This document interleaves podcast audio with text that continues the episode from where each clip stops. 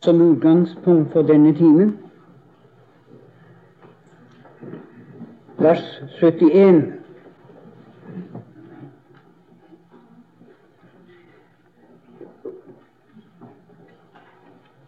Salmen 119, vers 71.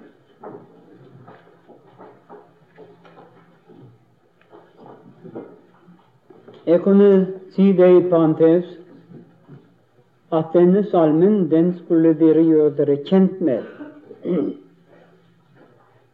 Eh, som vi hørte i går, så er den også bygd opp på alfabeten.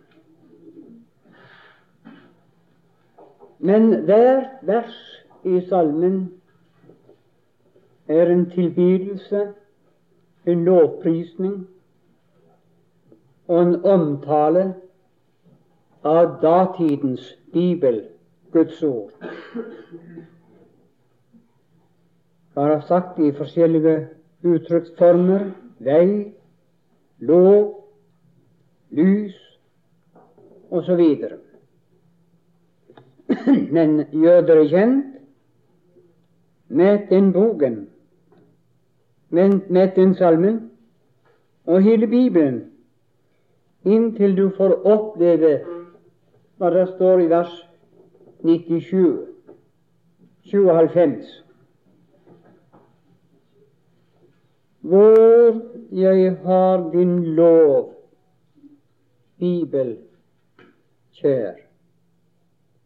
Hele dagen grunner jeg på den. Så skulle det være. Vi skal tale litt om det vi kunne kalle for ydmykhetens velsignelse. Dere som ikke var til stede på den første timen jeg holdt, så talte vi da om hva og ydmykhet først hva ydmykhet ikke er, og så litt om hva ydmykhet er. Og prøvde da å påvise at ydmykhet har to sider. Først mitt forhold til Gud, den indre side. Den andre side mitt forhold til mine medmennesker og livet her nede.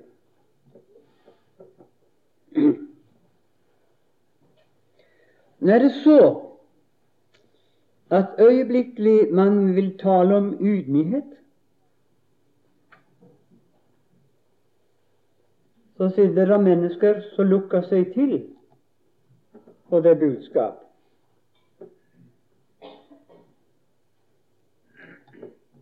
De er simpelthen redd å høre om det. Og det dominerende gamle mennesket i oss vil minst av alt høre om det. Og så lukker man seg til. Og får man så ikke noe, så er det predikanten sin skyld. Ja, ja, det er mye skyld på oss, det er ikke så, iallfall den som står her. Men jeg tror jeg kan si av egen erfaring at jeg hadde det så jeg òg en tid i kristenlivet. Jeg likte ikke når de prekte om ydmykhet. Jeg likte ikke når de prekte om det å bli knust og gjort til intet.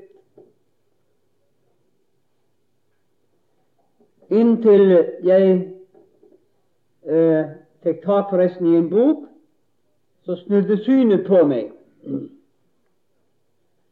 og fikk oppdage noe som heter ydmykhetens velsignelse.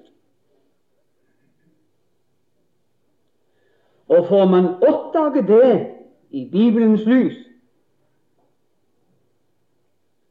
da vil det være en godt kristen kjennetegn og kristen karakter å søke ydmykhet eller imøtekomme Jesu ord. Lær av meg, for jeg er ydmyk og saktmodig av hjerte.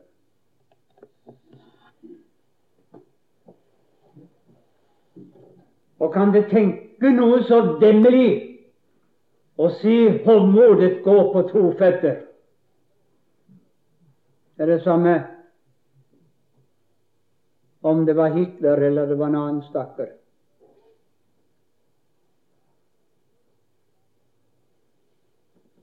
Det er noe i oss som reagerer.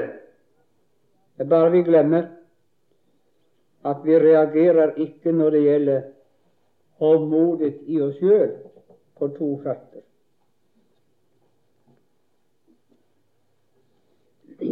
Nå, la oss ta fram noen Guds ord som taler om ydmykhetens velsignelser.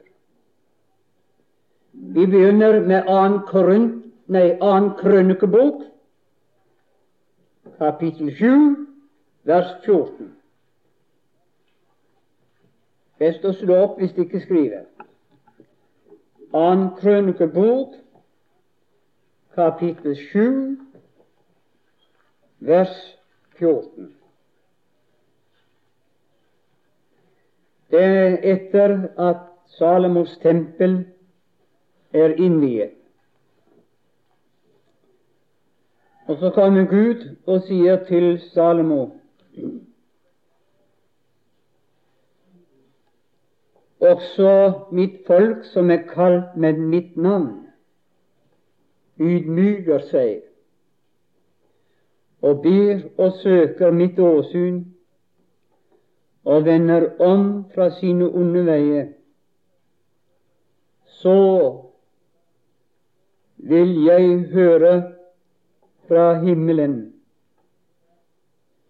og forlate deres synd og lege deres land.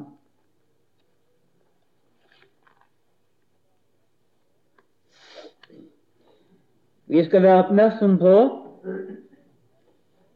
at Guds handlemåte med land og folk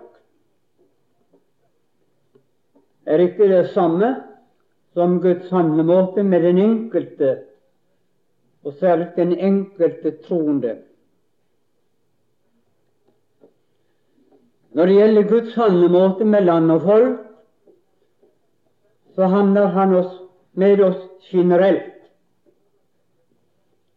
Uansett enten vi er troende eller ugudelige. og en hvilken som helst nasjon som synder som nasjon og folk. De må være så gode å være forberedt på den straff og den dom som følger ifra Guds hånd over enhver nasjon og folk.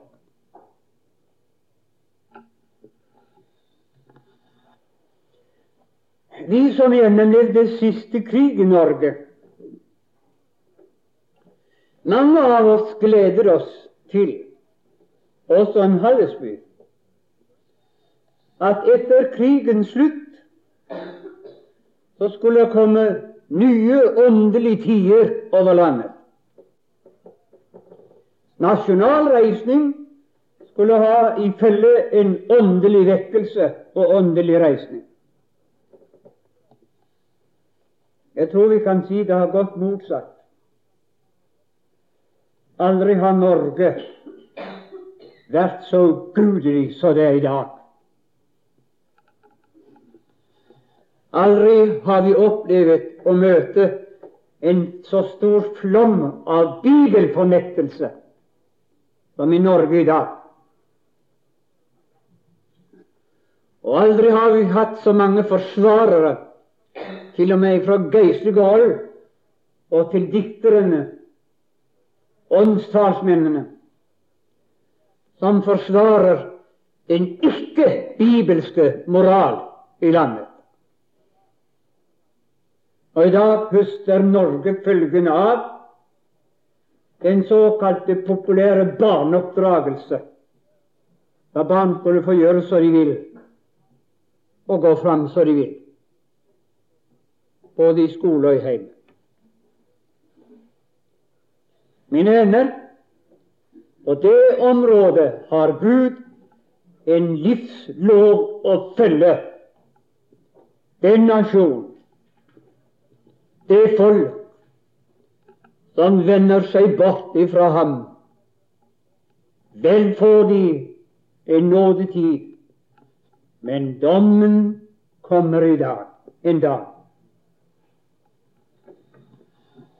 Det som da Gud sier etter, det er om det folk og den nasjon som nasjon og folk ydmyker seg, da kan Gud ta bort dommens verd som henger over nasjonen.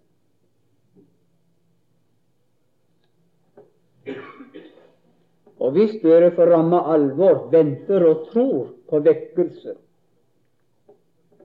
Det er noen som venter og tror på en stor vekkelse før Kristus kommer igjen. Det kan ikke jeg finne støtte på i Bibelen. Jeg finner heller støtte på det motsatte. At før Kristus kommer, skal verden bli så gudelig som den aldri før har vært. Men hvis dere tror og venter og at Gud enda kan gi oss en vekkelse i Norge, og det må vi ha lov til å tro og vente på,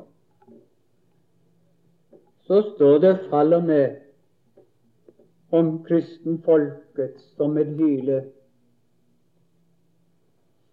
vil ydmyke seg for Gud og komme tilbake hvor vi en gang var i Norge.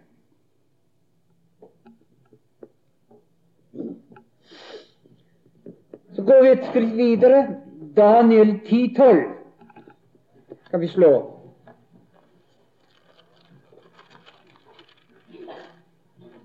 Daniel 10,12.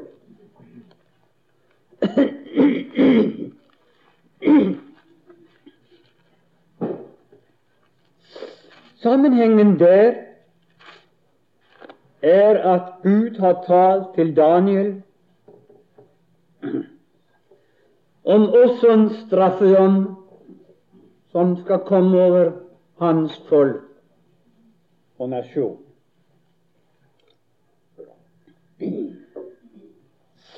Daniel forresten er en fin kristen type. Han går inn i faste og bønn. I 21 dager ligger han ved en elv og sørger og ber. Og det er underlig å lese hans bønn. Han, han, gjør seg til ett med folket. Han sier 'vi', 'vi', 'vi' i bønn. Ja, så vil det si av vers 12 så får han besøk av en engel. Og denne engel sier til ham, frykt ikke, Daniel. Fra den første dag du vendte din hu til å vinne forstand og til å ydmyke deg for Guds åsyn, er dine ord, altså din bønn, blitt hørt. Og for dine ords skyld er jeg kommet. Og så forteller den engelen at Persets rikets første sto han imot i 21 dager. Han ikke kunne komme med hjelp før.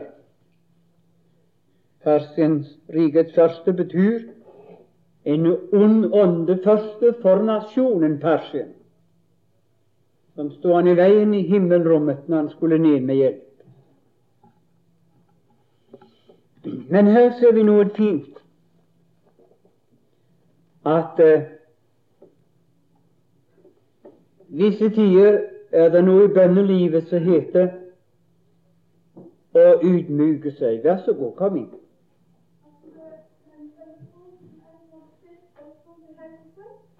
Ja.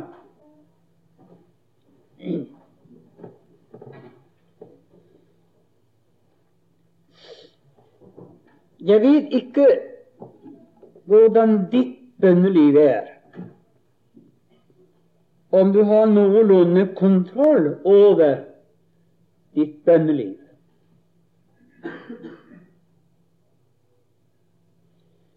For å si litt om mitt eget, så kan en si det slik at det går liksom i bølgegang. Det er perioder i mitt bønneliv. Jeg ber og ikke merker noen ting. Men jeg fortsetter å be, og kan ikke akkurat konstatere det er noe bestemt nød i bønnelivet. For andre perioder igjen da jeg opplever jeg har nær sagt massevis av konkrete bønnesvar tydelig og klart. Og du vet, det er noe av det gildeste i bønnelivet. Det er å oppleve bønn, bønnhørelse. Nå kan det godt hende at i de der periodene er du ikke våken så du burde og skulle være. Våken i bønnelivet betyr ikke våken i å holde på. Men det betyr å være våken for å se etter hvordan Gud går fram når han bønnhører. Og det er det mest viktigste i bønnelivet. Jeg har sagt det før til flere av dere. Eh, jeg har hatt gleden av å være sammen med legen doktor Lundby. Og du vet, når du hører Lundby, når han begynner å fortelle om bønnesvaropplevelser, så blir du gjort til skamme fullstendig. Men jeg har oppdaget noe med, med Lundby. Det er ikke at Lundby blir så kolossalt meget mer bønnhørt enn andre. Og det er kanskje noen i forsamlingen som blir enda mer bønnhørt enn han. Men Lundby har den skikk at når han har lagt fram en sak for Gud, og så går han opp i tårnet, som det står i, i uh, Joel, så går han opp i tårnet, og så står han på utkikk for å se etter når Gud bønnhører, og hvor lydes han går fram når han bønnhører. Og så stiger han fram etterpå og forteller om de rike bønnesvar og rike bønneopplevelser. Den kunst har ikke vi lært ennå, stort sett. Den må du prøve å fortale. Men én ting er klart når bønnesvarene uteblir, og vi ikke oppdager de, og ikke får oppleve konkrete bønnehørelser og bønnesvar, da er det vår tid å spørre er det noe hos meg som trenger å ydmykes, og som står i veien for at Gud ikke kan svare enda. Og vi er kommet langt på vei når vi begynner å spørre om det er noe som jeg trenger å ydmyke meg. Det er veien til å ydmyke seg for Gud. Og det vet dere noe som kalles for selvransakelse. Det er forferdelig farlig ord. Og enda farligere er det når de bygger det på Paulus sine ord til korintermenigheten. For de fleste legger en helt annen betydning i det enn Paulus la i det.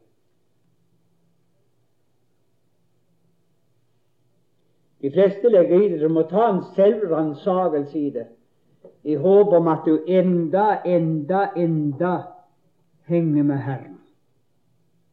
Men det kan godt hende det er forbi med det alt.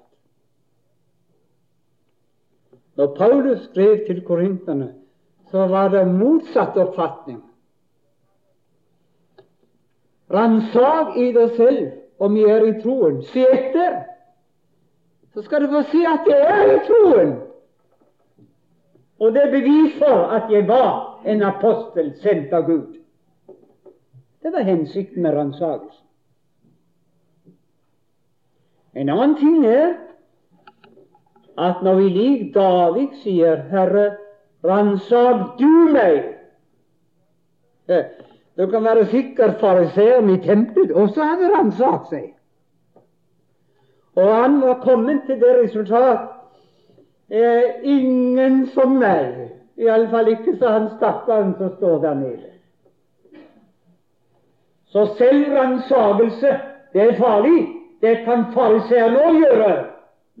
Og komme til en herlig selvforgudelse i sin egen kristendom.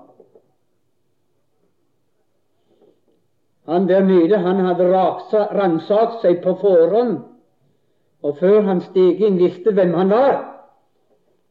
Og han kunne sette overskriften over seg selv Gud vær meg synder nådig. Det var han kommet til. Men eh, prøv, troende venner, å ha det klart for dere at gudsmannen Daniel ydmyket seg for Gud nettopp ved tanken på å få et større bønnesvar i opplevelsen med Gud.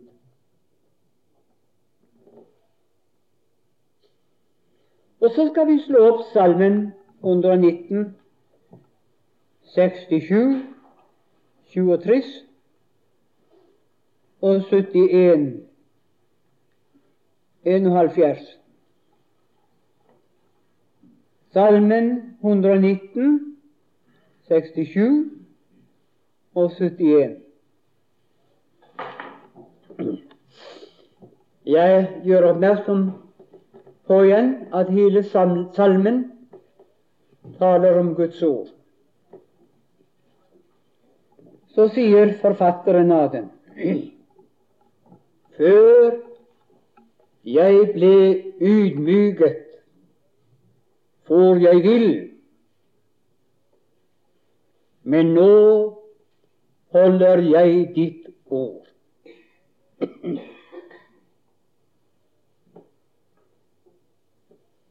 Og han kunne legge til i verset etterpå du er god og gjør godt.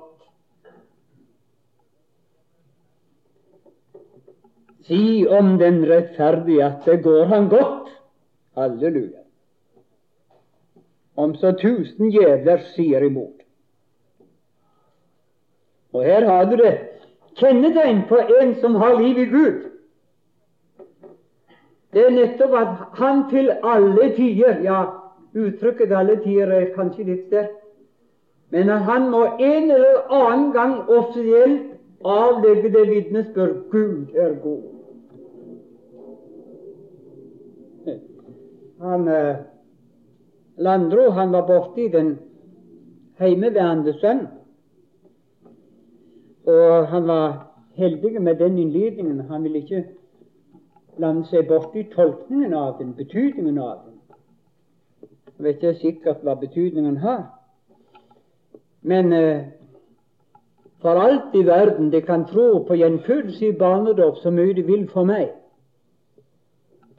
Og de kan tro at det går an å leve med Gud ifra barndommen av, og det tror nå forresten jeg.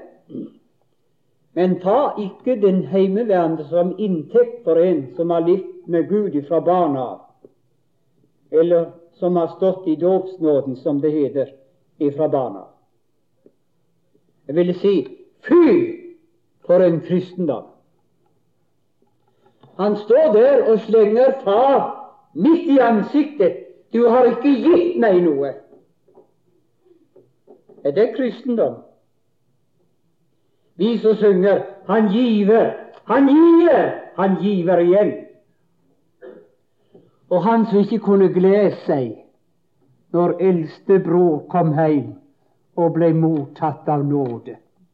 Jeg har aldri møtt et gjenfødt troende menneske som ikke har kunnet glede seg når syndere kommer hjem og blir frelst. Men jeg har møtt mange religiøse og motstandere av vekkelse som aldri kan gre seg. Og vil du ha et godt kjennetegn på et gjenfødt menneske, så gleder de seg over at en synder kommer hjem. Og aldri snakket om min egen kjødelige bror. Ja, nå tar ikke rundt og så tar han til inntekt om tusen prester sier det, at han har noe med kristendom å gjøre. Nei, han er bildet på akkurat de som omtales i kapittel 1. Fariserene og, og så knurret fordi Jesus tok imot syndere og et sammen med dem.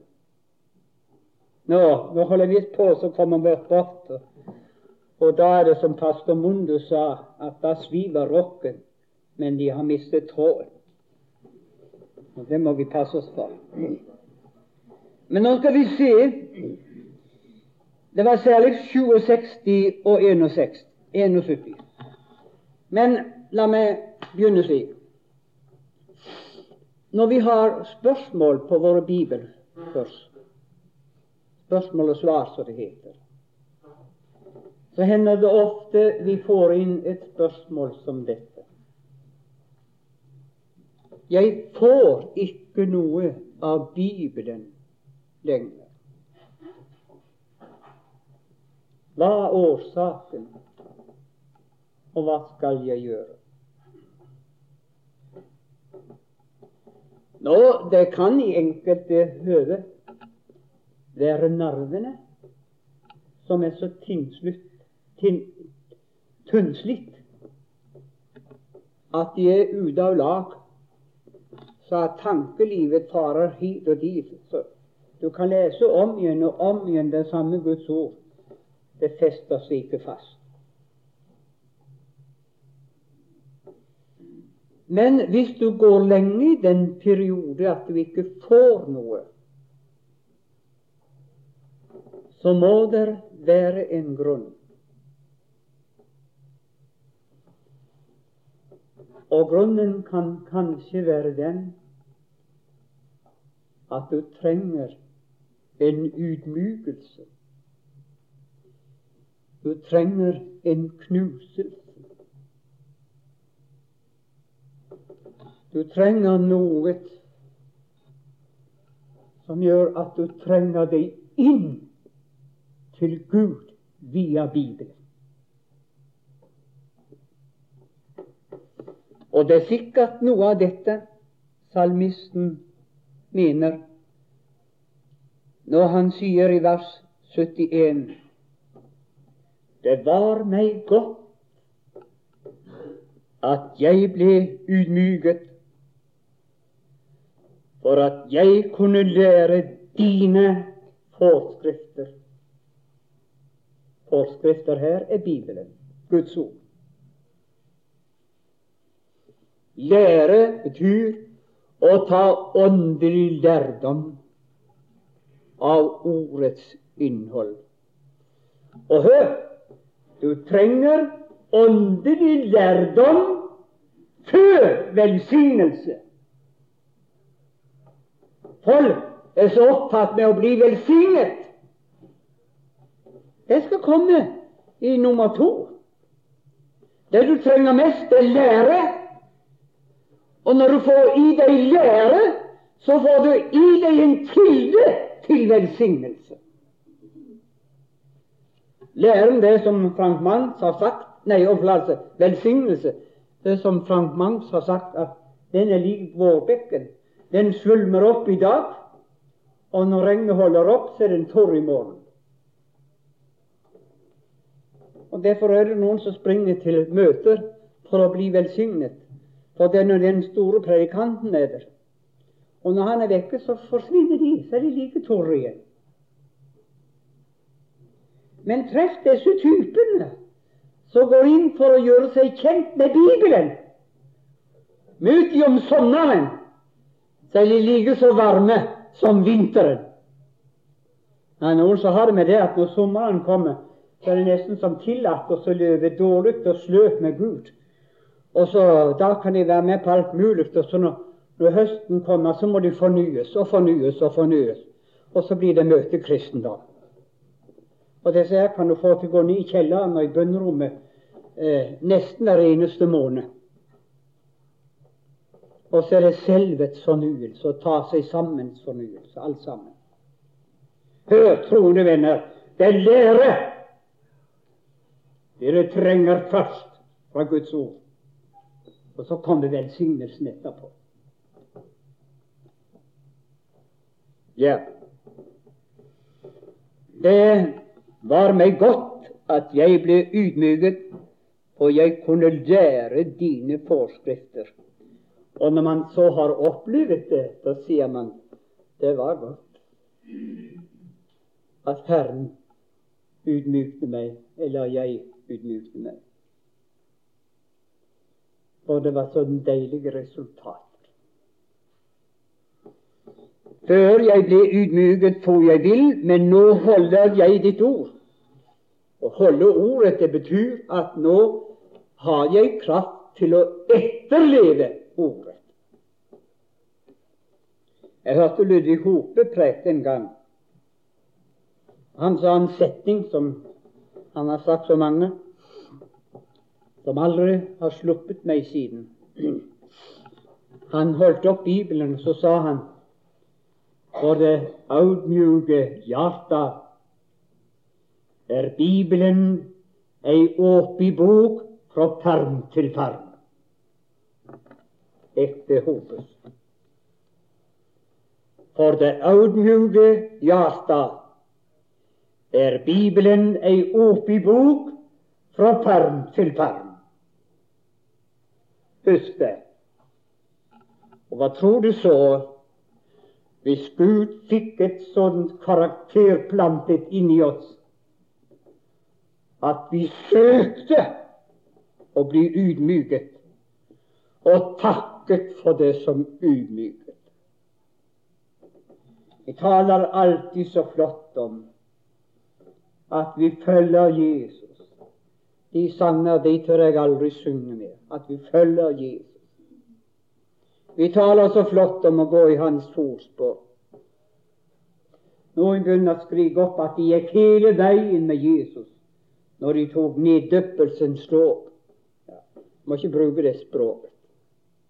For all del, bruk ikke det språket. Først når du har hengt på et kors vært i dødsriket og stått opp ifra dødsriket, da kan du tale om at du har gått hele veien med Kristus. Og først når du har begynt det, og lært av meg ydmykhet, da kan du begynne å vite at du har gått hele veien med Jesus. Ja, det er lukket, lukket der er tilgivelse for oss predikanter og også på å om Gud ofte snakker vi munnen for full, og ikke innhold verken i liv eller lære, hva vi ofte bringer fram.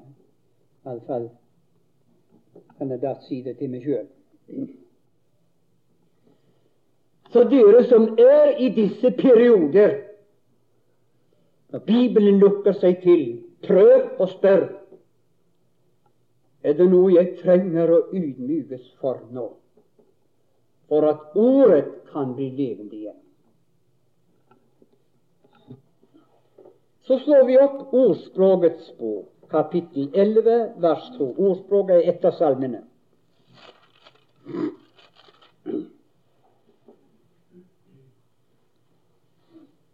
Ja, og det kunne vi holde ei prek av det verset der. Med overmod følger skam. Og så sant det. Ordspråket 11.2. Med overmot følger skam. Men de ydmyke har visdom.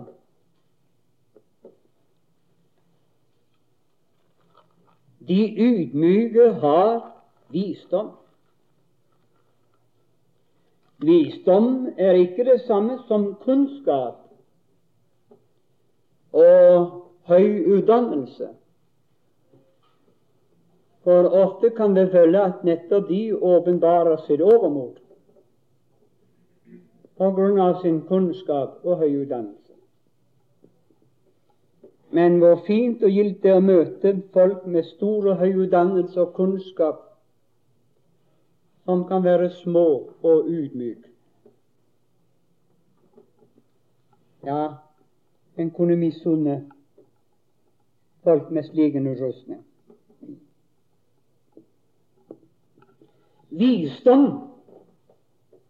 for en kristen, det ligger på to felter hva livet og Guds ord til sammen har fått lært dem.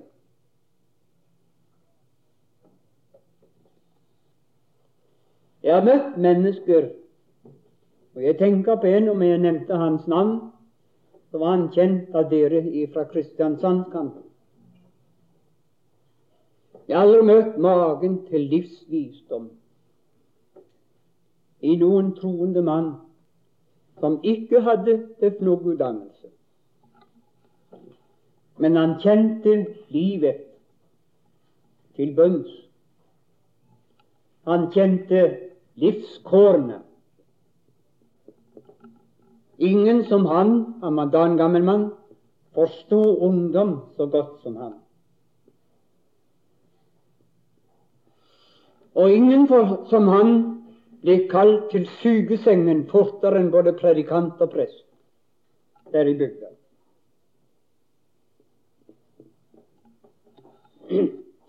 Og han fortalte meg selv han var motstander av vekkelsesmøter, og ikke minst håndsopprekning, som vi ofte bruker.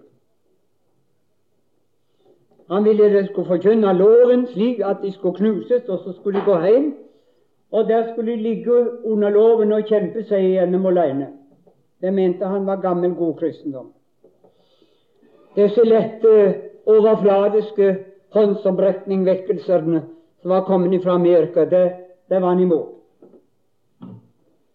Og så kom det en med en slik vekkelse med håndsopprekning.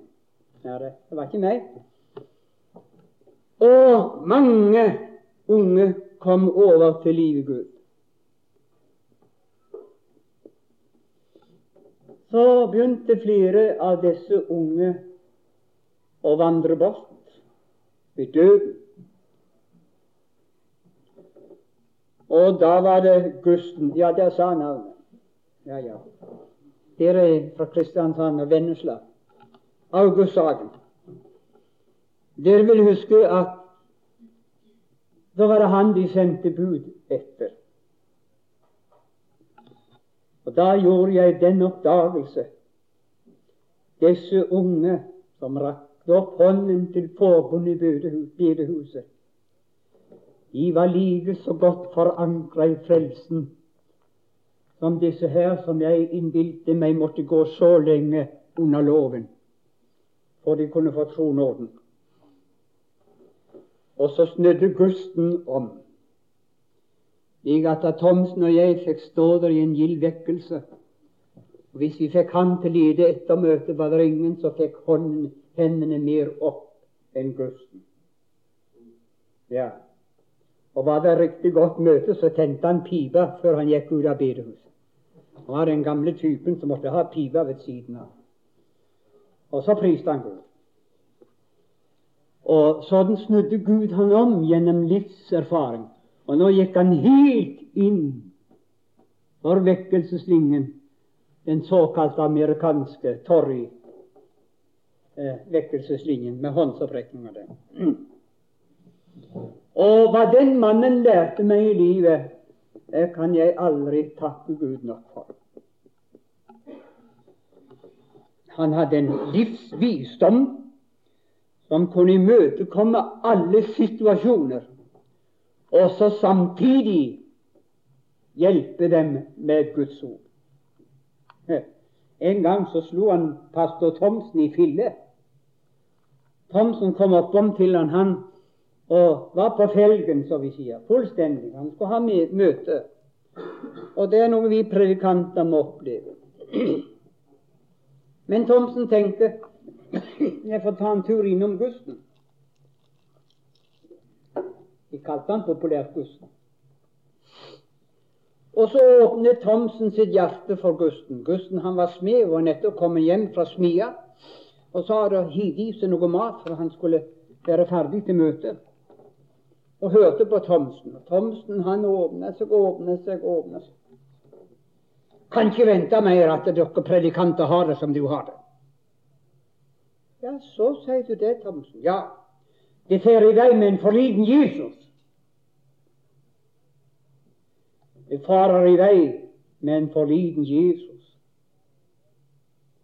Og så sa Thomsen, jeg glemmer aldri den lærdom jeg fikk. Når vi er på felgen, så er det bare det at vi får i meg med en forliten Jesus. Så er det ikke å vente enn at det blir slik med oss. Og Vi vet det står i Jakob 1 at mangler noen visdom, han ber. Og ikke alle kan ta imot visdom uten at de er ydmyke til å ta imot det. For det ydmyke hjertet, det er som den gode sædjord som sæden falt i og bar frukt. Det ikke ydmyke hjertet er som de tre andre. Det såddes der òg, men det hjalp ingenting. Og vi ligner noen av disse sædjord. Ja, nå har jeg holdt på for lenge. Men vi må ha litt til. I Jakobs brev, kapittel 4, vers 6 Gud står de stolte imot, men de ydmyke gir han nåde. Nåde. Vi trenger nåde ikke bare til å frelses, ikke bare til å ta imot synsforlatelse, ikke bare til å rettferdiggjøres, men vi trenger enda mer nåde etter at vi er frelst. Frelsen er bare begynnelsen. Og la meg få legge til Jesus som sitter ved Faderens trone, han har et mål med deg på den annen side. Ikke at du skal komme hjem. Vel, det er et mål, det òg. Men han har et enda større mål enn det. Han har et mål å få putte i deg så meget nåde her han bare kan få stappe deg full inntil det renner over. Ja, nå har de nå har den nye bibeloversettelse fått ødelagt det Guds ordet. Når David sier han, mitt beger flyter over, sa de lagde til. Mitt beger er fullt til randen. Og det må være visst typen på at de, el de elsker sånne kristne typer som skal bare være fullt til randen. Så det ikke skal flyte over noe fra. Men David han sier det flyter over. Ja. Og himmelens Gud, han har et stort mål og fylle i deg all nåde han bare kan få. Hvorfor? I Fiserbrevet 2 forteller at du skal være til pris for Hans nådes herlighet. Til mer nåde han får putte i deg her. Til mye skal du være Hans nåde til pris på den annen side. Forstår du det? Og du kan aldri være redd at du skriver ut for store veksler på Guds nåde. Men min venn, hva hjelper det hvis du ikke er et nådens kar? Et kar som beholder nåden. Det er så mange troende det er ikke før kommet hjem, så er det lekket ut alt det du hørte her. Så sitter bare og gisser dere til hva sa han, og hva sa han, og hvordan var det Guds ord? I gamle dager så hadde vi noe På vårt språk kalte vi det brunnbutter, Trebutter. Det var som regel også å gi kyrne vann i. Og de var vel og bra og gode så lenge det var vinter. Men eh, når våren kom og de skulle tas fram, så var de så gisne i sammenføyene at de beholdt ikke vann. Tok du ei bytte satte bort til korn, så var bytten tom lenge før korn fikk begynne å drikke på det. Det er troende som ligner sånne gamle trebytter. Og det er bare én ting å gjøre med de. De må utmykes, som vi gjorde med trebøttene. Vi satte de ned i vannet. Og så sto de i, i bekken eller i elven, tok i død. Og så ble de tette etterpå. Sånn må himmelens Gud gjøre med oss rett og det. For å bevare oss tett, for å ta imot nåde, for vi skal være Hans nåde til pris. Og det er kanskje det samme også der menes i eh, 1. Peter 5,6 Ydmyk eder for Herren, og Han skal opphøye eder i sin tid. Og jeg har nær sagt tenk på den mann som Gud brukte til å skrive det. Det var en mann som til alles tider sto i veien med sitt hovmod og sin tro på seg sjøl, inntil han blir ydmyk. Ja, det får unnskylde, jeg må få lov å bruke litt til. Jeg er det ikke fullkomment ifra eh, så det bør og skal være. Men det underlige at den Jesus som sier 'Lær av meg, jeg er ydmyk', han kommer gang på gang og gang på gang gjennom Bibelen og sier at det er vi skal, som skal ydmyke oss. Det er en åndelig plikt som er pålagt oss. Og hvis vi ikke oppfyller den så tar han fatt selv og ydmyker oss. Men da skal jeg love deg da kan det bli en hårdere skole å gå igjen. Men selv om det er Han, så vil vi til slutt folde hendene og si det blir meg godt at jeg blir ydmyket. For han behandler aldri et av sine barn uten han har et resultat for øyet. Og resultatet er mange, men annet bare godt og miskunnhet skal etterjage oss alle våre livsdager. Himmelske Far, Lær oss denne hellige kunst å stige ned og ydmyke oss og gjøre oss små som du kunne. Og ha det for øye at vi trenger å ydmyke oss, så du skal slippe å gjøre det. Men lær oss òg å oppfatte ydmykhetens velsignelse så vi kan si med salmisten det var meg godt at jeg ble ydmyket. Takk for timen.